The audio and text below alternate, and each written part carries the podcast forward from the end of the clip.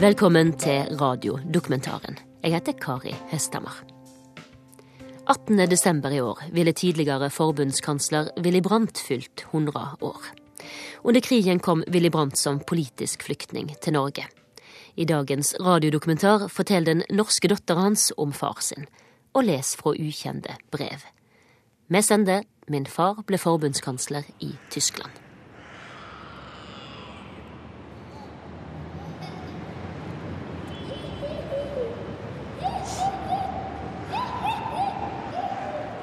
Like før jul i 1946 står en 33 år gammel mann på Østbanestasjonen og venter på toget til København. I lommen har han et norsk diplomatpass som han håper skal få han trygt inn i de vestlige sonene i Berlin. Han har gått fra sin norske kone Carlotta. Sammen har de datteren Ninja. Hun er blitt seks år. Det var jo en annen type far enn det de, mine, mine venninner på Abelse hadde det var jo ingen andre som hadde en, hadde en pappa som var i Tyskland. Og det var ikke så mange som hadde skilte foreldre. Borgermester Willy Brandt har altså vært så elskverdig å gå fra en middag for å gi Norsk Rikskringkasting et ti minutters intervju i en direkte sending fra Berlin. Hvis man skal være politisk realist fullt ut, kan man da tro på at Tyskland igjen blir ett land? Det tror jeg. Ja, det tror jeg. Mein Blick sich in diesem Augenblick auf Willy Brandt, den regierenden Bürgermeister von Berlin, an dem Tag, an dem 13. August 1961 richtet, an dem dieses inhumane Bauwerk entstanden ist. Muren er vekk, det skriver østtyske aviser i dag. På benken i forbundsdagen satt en beveget Willy Brandt som ble omfavnet av gråtende kolleger.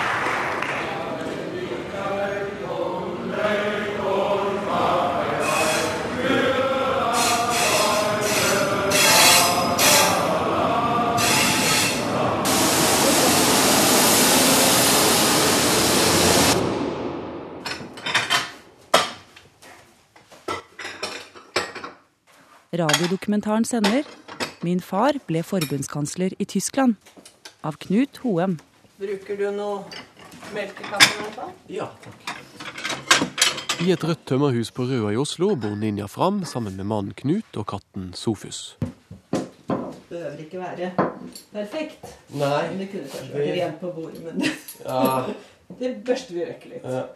For henne har det alltid vært naturlig at faren bodde i et annet land, og at hun vokste opp med moren i Oslo. kan du huske at hun fortalte deg eh, at nå, nå kom faren din til å bli i Tyskland? Nei, det kan jeg ikke huske. Jeg kan ikke huske det sånn konkret. Tivoli har fått julepynten på når en tysk sosialdemokrat med dekknavn Willy Brandt ankommer Hotell Nordland i København. Han er sterkt nedsyltet i forkjølelse og heller innpå kopp etter kopp med romforsterket te mens han leser Jean-Paul Sartre og Eldos Huxley.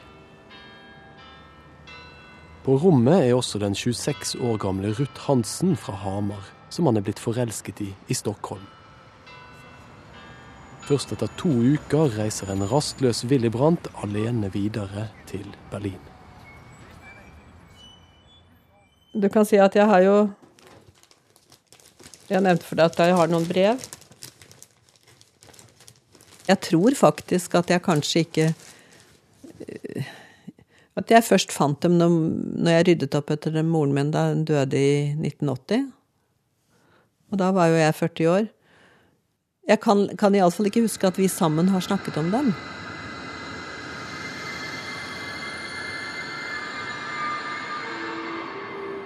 En tysk mann med norsk statsborgerskap ankommer barnovt så i Berlin blant fillete og sultne mennesker som trykker seg sammen i mørke, stinkende bunkere på jernbanestasjonen. British and Canadians roll into Berlin to occupy their slice of the German capital. With the Russians and the United States, they will rule the city. Berlin's women have been set to work to clear up the rubble from the streets. It will be years before the scars of war are removed, if ever. The Germans pay the price of war. Den norske militærmisjonen i Berlin holder til i Olandstrasse. Utenrikskorrespondent Albert Henrik Moen rapporterer hjem for NRK. Han kan konstatere at den norske representasjonen er havnet i en gate som er overraskende lite ødelagt. Det vil si 50% av bygningene i denne gaten er ødelagt. Etter at en har passert gjennom deler av den tyske hovedstad, hvor bomber og granater bare har levnet forvridde stålkonstruksjoner og knuste mursteiner, bruker en betegnelsen forholdsvis hel om en slik gate. Bak døren, med skiltet med Major Brandt på, fant vi forfatteren Willy Brandt, som er presseattaché i Berlin, og som bl.a. har som oppgave å sende meldinger om alle de vedtak Kontrollrådet fatter, og holde regjeringen vår underrettet om den politiske situasjonen i Tyskland. Han er alene i sitt gamle hjemland som han flyktet fra da han var 20. Men han har slått røtter i Norge. I de tallrike biografiene og erindringene som skal komme, så er det her på dette tidspunktet at mannen med norsk statsborgerskap blir tvunget til å ta et valg. Norge eller Tyskland. Uansett hva han velger, så vil det få konsekvenser. En kveld på nyåret i 1947 så har han bestemt seg. Han skriver brev til den norske utenriksministeren Halvard Lange og forteller om sin historiske beslutning. Så setter han seg ned og skriver et brev til datteren i Norge. Prøvde å organisere meg litt her, da. Et brev som til nå har ligget på et loft på Røa i Oslo. Sånn som her ser du. Det første er fra 4. desember 1947. Da gikk jeg jo i første klasse. Og da starter han brevet med å skrive Kjære ninjapike. Jeg er riktig trist fordi det er så lenge siden jeg har fått høre fra deg. Det er faktisk ikke kommet noe brev eller kort siden jeg var i Oslo. Så nå må du ta deg sammen og skrive et ordentlig stort brev. ja, for eksempel så begynner han et annet brev at han har meget dårlig samvittighet fordi han har ventet så lenge å svare på mitt siste brev. Du vet, det du skrev for å takke for den lille symaskinen og noen andre småsaker. Det, altså dette med postgangen av brev og forskjellige ting, og julaften og gaver som skal hentes hos UD og sånn. Altså det var nok ikke så enkelt. Samtidig som han jo da gjorde mye for å ja, få det til. Du kan tro jeg har masse å bestille. Det er mye som skal skrives, så jeg må engasjere en kontordame til. Og så er det nokså mange mennesker jeg må konferere med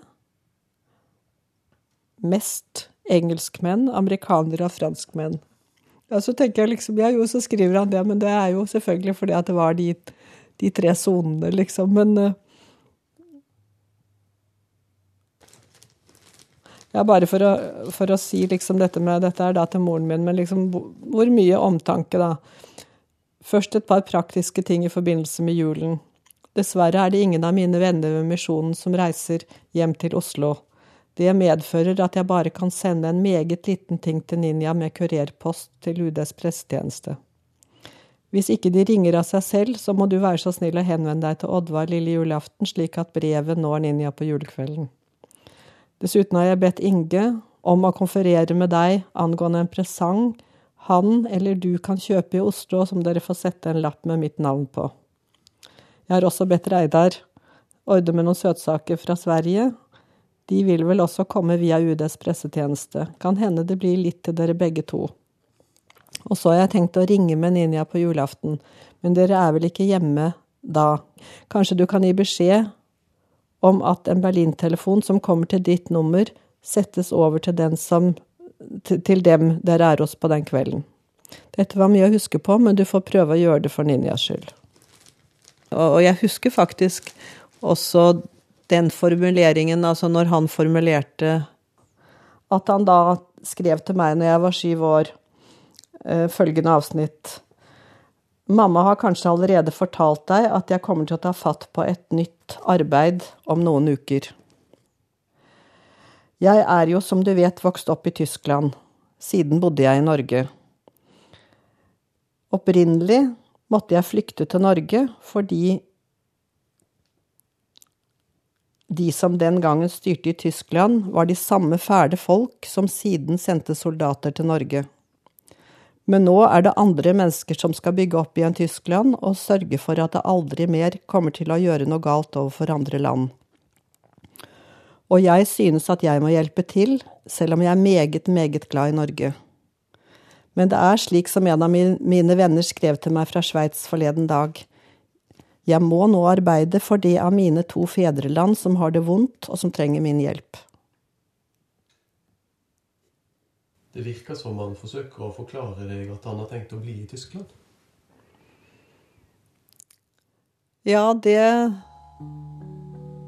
Niemand kann uns jedoch ausreden, dass die Deutschen ein Recht auf Selbstbestimmung haben, wie alle anderen Völker auch. Die Stadt Berlin hat mancher schon besungen, der längst heut liegt tief unterm grünen Gras. Für uns sind das bloß noch Erinnerungen, als ob uns Mutter was Når 40-tallet blir til 50-tallet, har Willy Brandt forlatt jobben som presseattaché for den norske regjeringen i militærmisjonen. Isteden kjemper han om makten i det sosialdemokratiske partiet i Berlin med rivalen Frans Neumann, og taper. Han forsøker å bli valgt inn til sentralstyret i partiet, og taper der også. Motstanderne hans anklager han for å ha stukket fra landet da landet trengte han som mest. Den norske kona Ruth får hatefulle brev, og de begge blir skjelt ut for å holde en for høy profil i selskapslivet.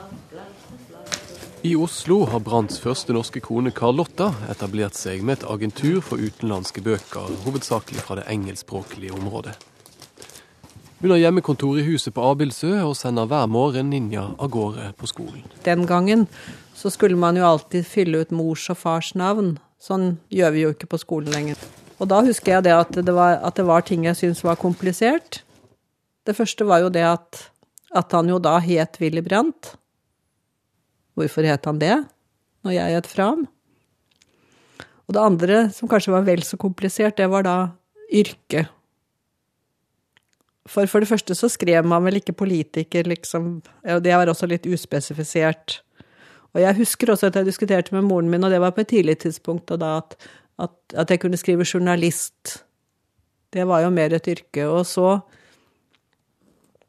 Ja, altså når han ble borgermester, da, da var jeg jo 17 år, så da greide jeg vel å takle det litt. Men jeg, da husker jeg jo også at eh, Jeg har på følelsen at jeg skulle skrive det i en eller annen sammenheng da også, at da ble det nesten litt sånn mer komisk å skulle skrive borgermester i Berlin på yrket. Og kanskje jeg også diskuterte det med navn, det vet jeg ikke, for jeg kunne jo også skrive i og med at han jo da het eh, Carl Fram, eller Carl Herbert Fram. Eller Herbert Carl Fram. altså, det var hans offisielle navn inntil han da fikk tysk statsborgerskap i 48. Men da skulle jeg jo da skrive Willy Brandt, og det var jo også et annet navn. Jeg bare husker at jeg, at, jeg, at jeg ikke likte det. Ikke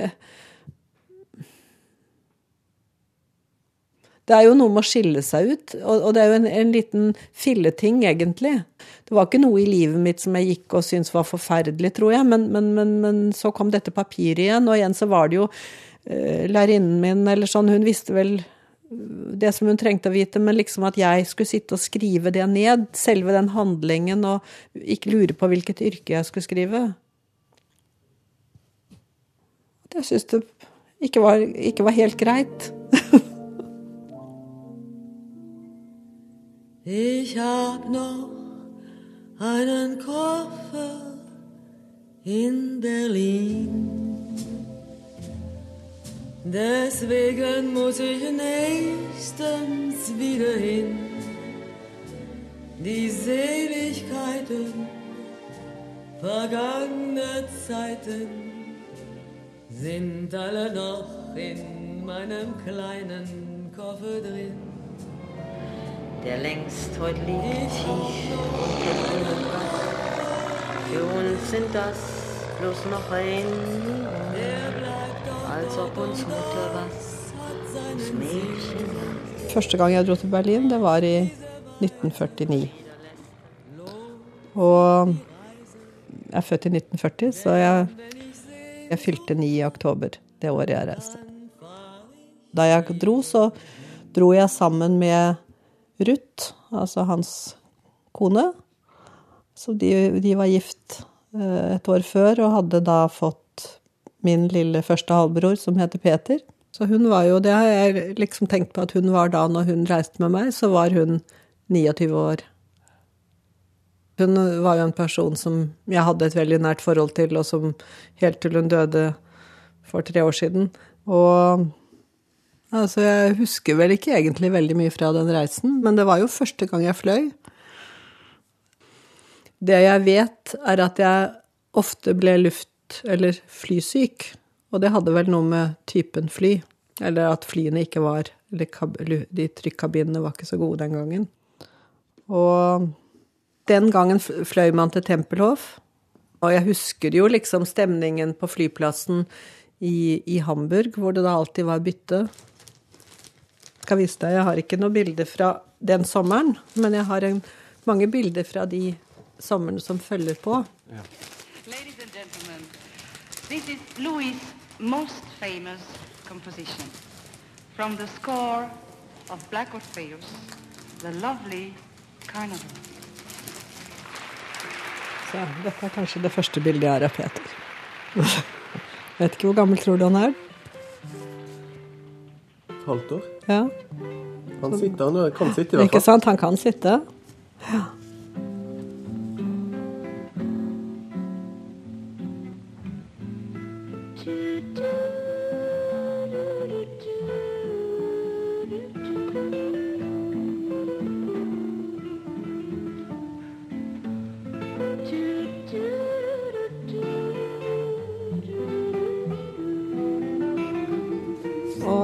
Dette er nok da fra sommeren 1950.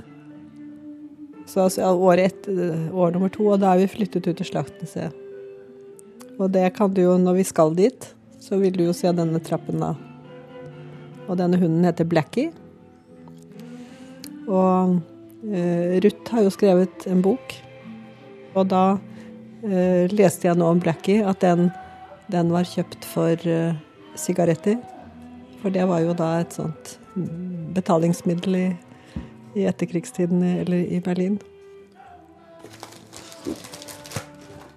Men jeg ble jo kjent vet du, med, med jentene i nabolaget.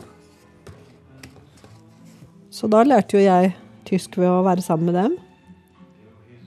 Her har vi Ka Karin, tror jeg hun het, ja.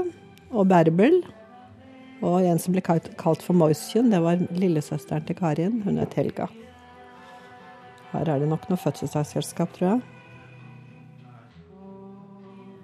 Ja, dette er på en måte et, sånn sidelung hvor det er noen hus som har uh, private hager. Og iallfall den gangen når jeg var der, så var dette her store, sånne fine friområder imellom. Ja, her står jeg sammen med pappa ute på det samme området med store trær. og lett antrukket i, dong, i kortfløyelen. Altså ung og kul ut, rett og slett. Ja, ja. Brandt kommer til Oslo og ønskes velkommen av den tyske ambassadør og formann i Studentersamfunnet, der han skal tale under Oslo-oppholdet jeg håper på at vi diskuterer Tyskland.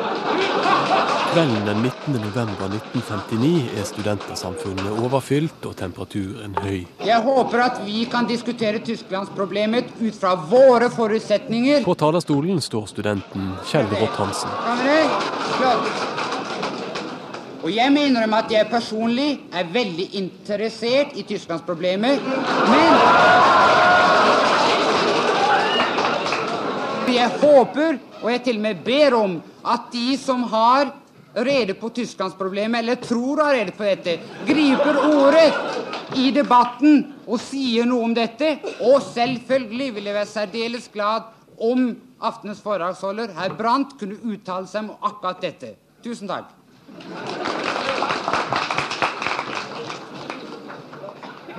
Jeg tror at uh, når forbundskansler Adenauer en gang er død, om nå det skulle hende noen gang.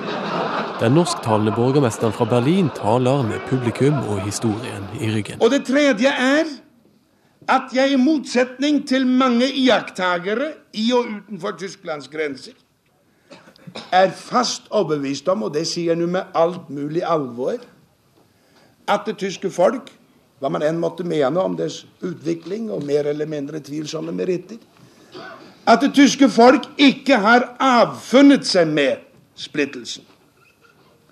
Og jeg er dessuten overbevist om at denne følelsen av å ville finne sammen igjen, føre sammen igjen de familier som har blitt splittet Skillelinjen går jo tvers gjennom millioner familier.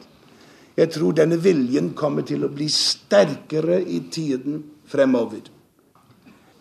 Jeg tror at det vil skje flere forandringer i verden i løpet av de nærmeste 10-20 år.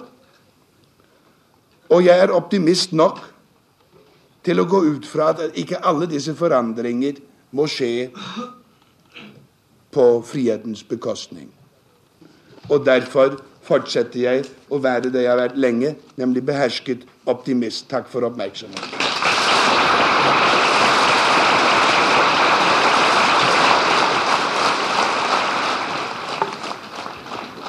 En av de største forsamlinger vi har hatt her i samfunnet, takker dykk Willy Brandt for dette foredraget.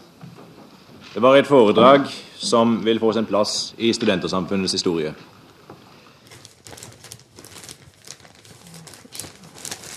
Og her eh, eh, Du kjenner ikke den divaen der, men hun het Jane Mansfield. Jeg har hørt om henne. Du har hørt om henne, ja? Og det, jeg husker det var et bilde jeg syntes var ekstra morsomt, fordi at jeg hadde på meg en, en eh, skjorte eller bluse som jeg brukte som kjole, med masse sånne korsstengsbroderi. Og så ser du at der er det i grunnen Jane Mansfield som er opptatt av meg, og ikke omvendt. Hun beundrer blusen min. Ja. Det som hun gir noen komplimenter. Ja, ikke sant? Ikke sant? Og dette var i 61, i juni.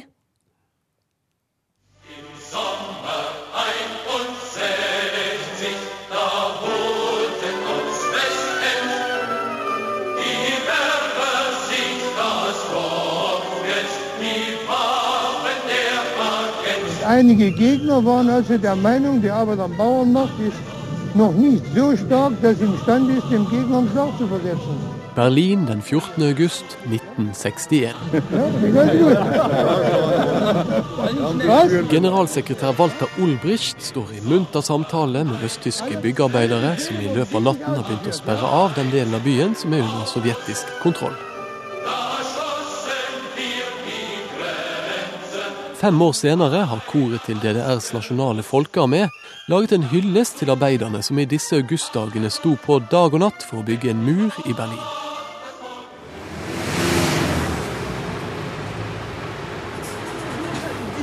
Utenfor et hotell på selveste Kofjøsendam står professor i historie Peter Brandt og venter på sin søster som kommer fra Norge. Akkurat som hun gjorde det om sommeren i hans oppvekst. Ja, takk. Vi kommer på god dag. Hei, hei. Hyggelig.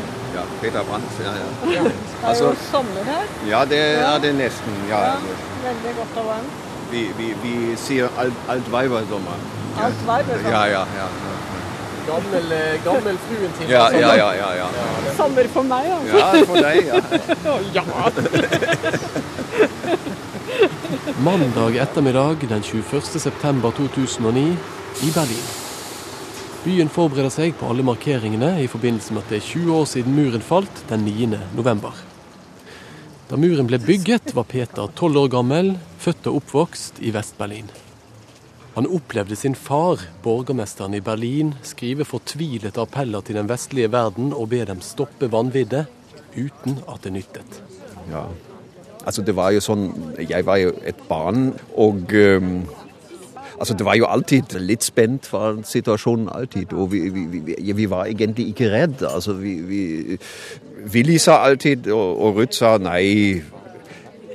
I Berlin blir det ikke krig fordi de sitter her alle fire, og, og det er liksom de, for eksempel for, for amerikanerne var jo også prestisje. Altså, altså de, de, kunne ikke eh, trekke tilbake uten at det ble eh, en stor skade for, for deres eh, prestisje. Og så um, Jeg hadde ikke tenkt at det kunne bli bygget en mur. Ja. Men jeg vet ikke om jeg var så klar, men, men jeg tror jeg tenkte omtrent som det var. Altså, hvis det skal være en invasjon, invasjon da bygger man ikke en mur. Ja. Altså, men selvfølgelig, vi var sint fordi vi hadde alle enten slektninger eller venner osv. Ja, altså, det var én by. Selvfølgelig var det mye verre for østberlinerne.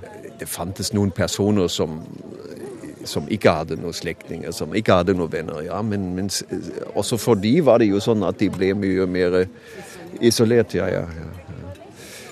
Kan du huske snakket faren din om det, altså hva som hadde skjedd? Han hadde jo to, to ting. Han, det var muren som ble bygget, og så var det foran det valget, valget i, i for, forbundsvalget, hvor, hvor, han for første gang eh, tredde opp som eh, kanslerkandidat. Ja. Han, han, oppdaget at vestmaktene ikke brydde seg noe større om det. Ja. Først ble han sint, og så liksom prøvde han å trekke konklusjoner ut av det, hvordan må, man nå må begynne å forandre situasjonen, og det ble den nye østpolitikken, som, som begynte egentlig i Berlin med, med uh, små, små, skritt. Altså Man sa den tiden det, politikken Det kleine skrittet, de små, små skritt. Og, at de kom i gang med at de denne besøksordningen? Ja, ja, at, de, at de kom i gang med en ny, ny politikk. Ja.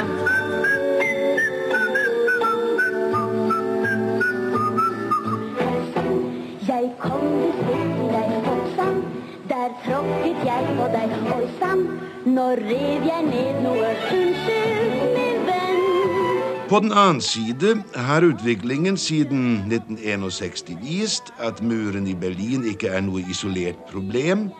Den vil ikke forsvinne av seg selv. Den vil ikke forsvinne ved bare protester. Den vil ikke forsvinne som noen isolert foreteelse, men bare som ledd i større forandringer.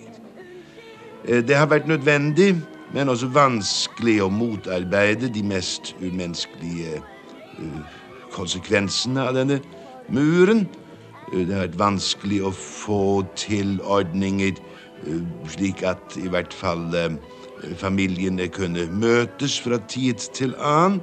Og samtidig synes jeg muren i Berlin minner om at det fins uløste politiske problemer midt i Europa som med tiden må løses uh, for fredens skyld og for eh, europeisk samarbeid ja. Altså, det virket jo mer som det var et radioforedrag, eller altså at det ikke var en tale i en forsamling. Men opptaket er gjort på hytta til Willy Brandt ved Hamar. Akkurat. Og det, var, ja, det er da gjort i, på den hytta som, som jeg nå har, som vi nå har.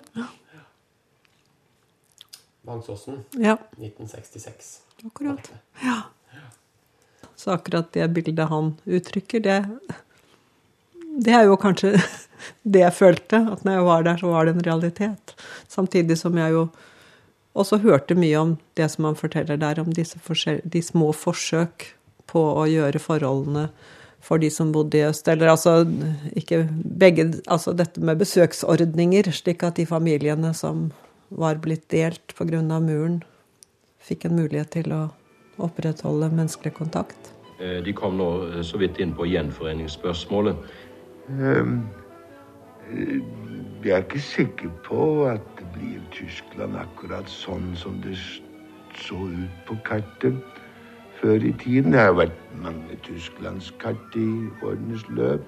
Sett i ettertid så framstår Willy Brandt nærmest profetisk i samtalen med Per Øyvind Heradstveit i november 1965. Men eh, jeg tenker nå først og fremst på, på altså spørsmålet om å få, få en ordning som fører sammen tyskerne der de lever i dag.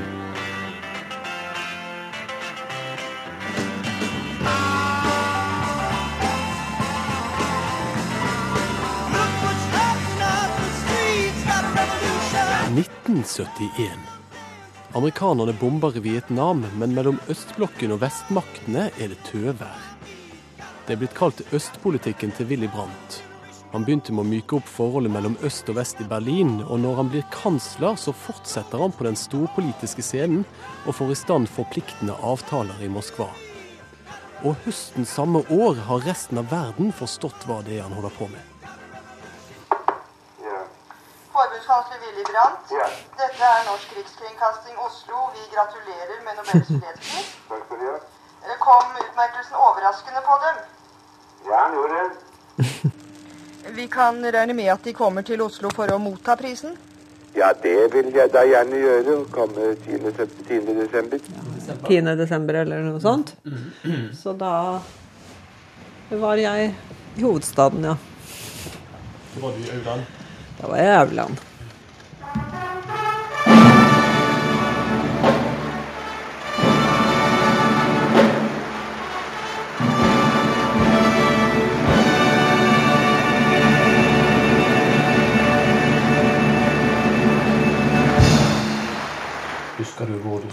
I salen?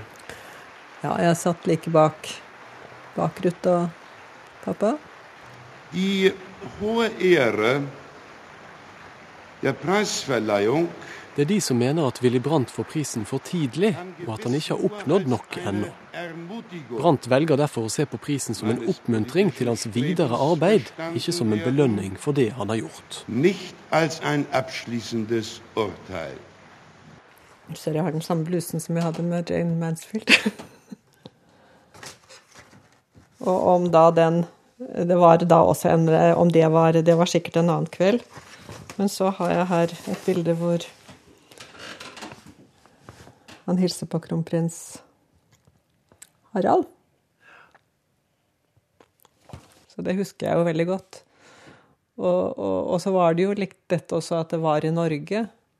Ikke sant? Så det Ja, hva skal vi si hvis, hvis, Selv om ikke jeg var noen hovedperson, jeg følte meg jo veldig hjemme. ikke sant? Det var jo veldig Og han også følte seg jo hjemme, og Ruth. Altså, vi, vi, vi hadde en veldig hyggelig ramme for en familiesamkomst, for å si det sånn. Altså en veldig hyggelig anledning, og nettopp det at nordmennene vil jo ha en del av han. Ikke bare jeg. Jeg ville jo synes dette var en veldig stor anledning uansett. Men jeg husker liksom den dimensjonen som går på også, at det var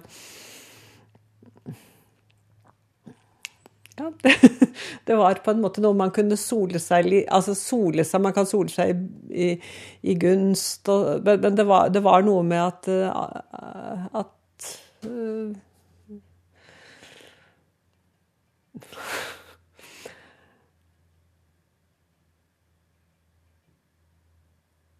Altså, beundring kan jo være veldig fint.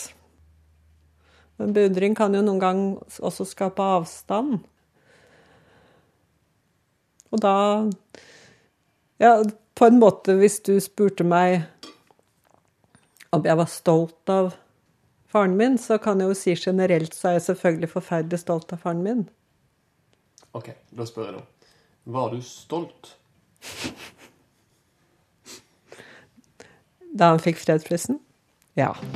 Du sier oop, shooby-dooby, oop, oops, oop, shooby-dooby, oop, oop, oop, shooby-dooby, oop, oop, oop, shooby-dooby, oop. Nattradioen har eh, gjester hver natt utover denne uken. Og eh, av disse gjestene så, så spør vi om det er noen spesielt de vil ringe opp og snakke med. Og eh, i kveld så er det én spesielt, i hvert fall, men jeg har to gjester her som ønsket å snakke med dem. Ja, men det var jo hyggelig. Ja, Og Kirkvåg som sitter vis-à-vis meg her, eh, kanskje du kan forklare hvem Jon Arthur er? Ja. Jeg vet ikke om de kjenner til det, men det er altså en, en gutt på en 12-13 år som Han heter Jon Arthur Vimsen, altså. Ja, Nei, altså. Ja. Ja. Altså, skal jeg begynne nå, da? Ja. Du får gjøre det. Ja, begynner jeg på ordentlig nå, liksom? Ja. Hvilken politiker setter de særlig høyt? Ja, Willy Brandt, tror jeg. Hvorfor det? Du, han har, jeg syns han har en eh, kombinasjon av eh, fremsynthet og sjarm og tyngde. Ja vel. Så var det den internasjonale politikeren som de liker minst, da. Ja, jeg lurer på om ikke Idi Amin kvalifiserer der. Hva Idi... Ah, Ja vel. Ja. Hvem var det, da? Statsminister Trygve Bratteli regner de med at det som nå har skjedd, kan få uheldige virkninger for avspenningspolitikken mellom øst og vest? Jeg vil jo endelig håpe at det ikke gjør det. Det er riktig at Willy Brandt med rette er blitt stående som eh, eksponent og leder for eh, den politikk som har ført til denne avspenningen. I 1974 skjer kanskje den største politiske skandalen i etterkrigstyskland. Øst-Tysklands øverste ledelse har hatt en spion på den vesttyske regjeringssjefens kontor. Hva er skaden av alt Øst-Tyskland og Sovjet fikk vite? Hvordan kunne grå, kjedelige Gunther Guillaume få jobb hos Brandt? Kristeligdemokratene CDU forlanger full oppklaring og Brandts avgang. Brandt går av, Brandt er knust. Nachdem ich dem Vorstand meiner Partei berichtet habe, spreche ich heute Abend zu Ihnen zum ersten Mal gelöst von der Pflicht des Staatsamtes. Jeg husker det jo selvfølgelig, men nå i ettertid så tenker jeg Hørte jeg denne det som han sier der, eller har jeg bare lest det? Ikke sant? Jeg traff han nokså kort etterpå, for han kom på ferie til Norge. I mai, kanskje 14 dager senere, på Hamar. I fortellingen om Willy Brandt Mm. så er dette på en måte den dramatiske nedturen. Ja. Men, men ja. Men, men, men opplevde du det sånn? Nei, men er det, for, er det den dramatiske nedturen? Det er jo et veldig stort fall. Altså, eh, en mann som er forbundskansler, må gå av um, under dramatiske omstendigheter. Ja, jeg skjønner det. Men, men igjen så tenker jeg han, han sier, og han tok ansvaret for at det var en spion som bl.a. hadde vært med på Ferie i Norge. Og da kanskje faktisk hatt større tilgang til hemmelige papirer og sånn man kan tenke enn i situasjoner i bånn hvor kanskje sikkerheten er bedre, eller Iallfall hadde han da vært med til Norge. Jeg tror også hans familie var med. Uten at det var noe mer. De, de hadde vel da bodd i et eget hus i nærheten av hytta. Eh, Men det dreier seg vel her om at sjefen må ta ansvar. Så, så du kan si jeg Jeg har aldri tenkt på det som noe fall. At jeg liksom tenkte Oi, nå har jeg ikke en far lenger som er forbundskansler i Tyskland. Altså du kan si jeg var vel kanskje mer eh, Altså for det første så Om det så var, holdt jeg på å si, så, så ja, For det første var jeg jo opptatt av han, om han Hvordan han menneskelig hadde det. Så det er vel derfor jeg husker så godt at det var godt å møte han. Og at jeg da ikke opplevde han som noen hva skal vi si, slagen mann. Altså, det var jo ikke noe han personlig hadde gjort som gjorde at han lenger ikke Altså, du kan jo si at han måtte ta ansvar, men det var jo ikke noe ved han at han ikke for så vidt lenger var skikket til oppgaven. Kanskje for han selv at det var like bra. Altså Nå tenker jeg på rent sånn menneskelig, uten at dette er bare personlig som jeg sier, at, at jeg tror at den, den, eh, en sånn topposisjon som forbundskansler må være veldig strevsom, da. Og også når jeg tenker på hva skal vi si, veien til å bli forbundskansler.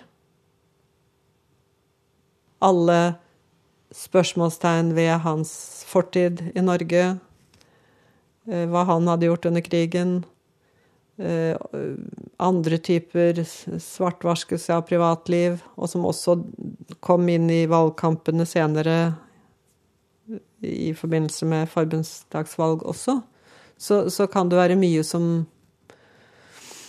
Det var også mye slitasje. Det ble hevdet at han Guillaume hadde skaffet han damer. Å ja. ja. Det, det kjenner ikke til det engang. Men det er jo mulig at jeg bare ikke Altså at jeg har heller ikke opptatt meg, for å si det sånn. Enda mindre enn Selv om det kanskje burde opptatt meg mer. At jeg Ja, dette Men, men iallfall så Ja, så, så vil jo kanskje det livet han da skulle leve etterpå, at han da ikke var i den type fokus.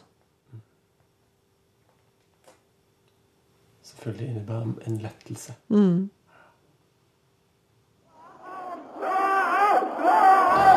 På benken i forbundsdagen satt en beveget Willy Brandt som ble omfavnet av gråtende kolleger. Opp med porten, opp med porten, ropte menneskemengda til det østtyske grensevaktene her i Øst-Berlin i natt. 10.11.1989 samles noen hundre tusen vestberlinere foran rådhuset i bydelen Schøneberg. Mange av dem har festet med sine nye østtyske landsmenn hele natten. Og de menneskene i der DDR har en rett av freie Meinungsäußerung, auf en virkelig freie Presse. Forbundskansler Helmut Kohl har avbrutt sin reise i Polen og forsøker å løfte stemningen, men blir møtt av pipekonserter. Es werden heute geöffnet 18 Uhr die Übergänge Kliniker Brücke und Marlow.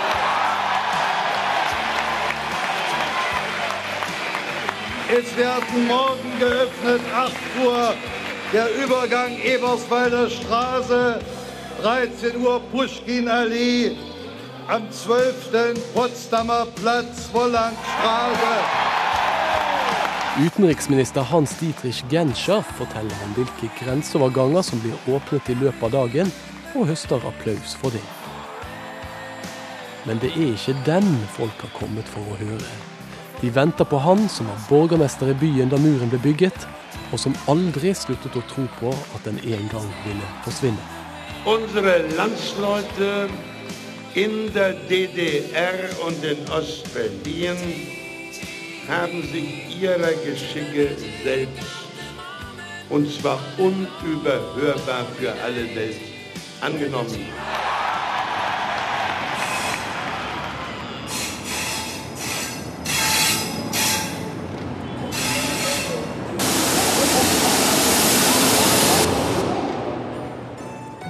Willkommen in Berlin Zoologischer Garten. Den 22. september 2009 finner Ninja det rette toget som kan ta henne med tilbake til Schlachtensee, Berlin vest, hvor hun tilbrakte somrene som barn. Ja, nå ser du, nå har vi gått ned denne trappen fra Marinerstarg og ned til sjøen Slachtensee. Og det, det som jeg tenker nå, er jo at, at det er en spesiell atmosfære når det er som så store løvtrær. Denne, denne filtreringen av sollyset og hvordan Ja, det blir som en liten sånn borg, egentlig, av trær. Her er jeg og pappa på den samme her vi sitter. I slitt kortfrøllbukse.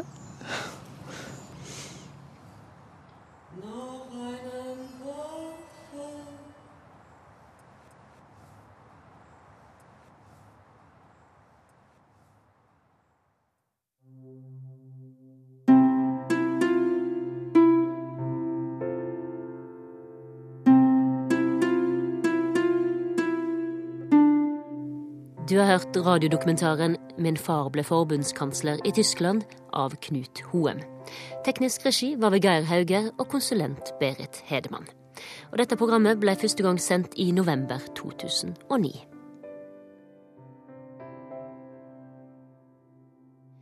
For 50 år siden reiste Sissel Rasmussen til Paris. Der ble hun kjent med den verdensberømte forfatteren, feministen og filosofen Simone de Beauvoir. Møtet skulle endre livet hennes. Du kunne se på øynene hennes at hun tenkte hele tiden. Skarp. Jeg var nesten litt redd for det.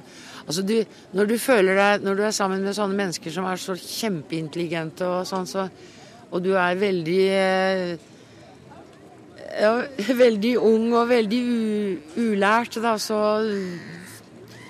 blir du nesten redd for sånne mennesker. Redd for å dumme deg ut og redd for å si noe galt. Og, ja. Så jeg husker jeg var veldig sånn på tå hev for henne, altså. Hør radiodokumentaren 'Til bords med Simone de Beauvoir' her på NRK P2 lørdag om ei veke.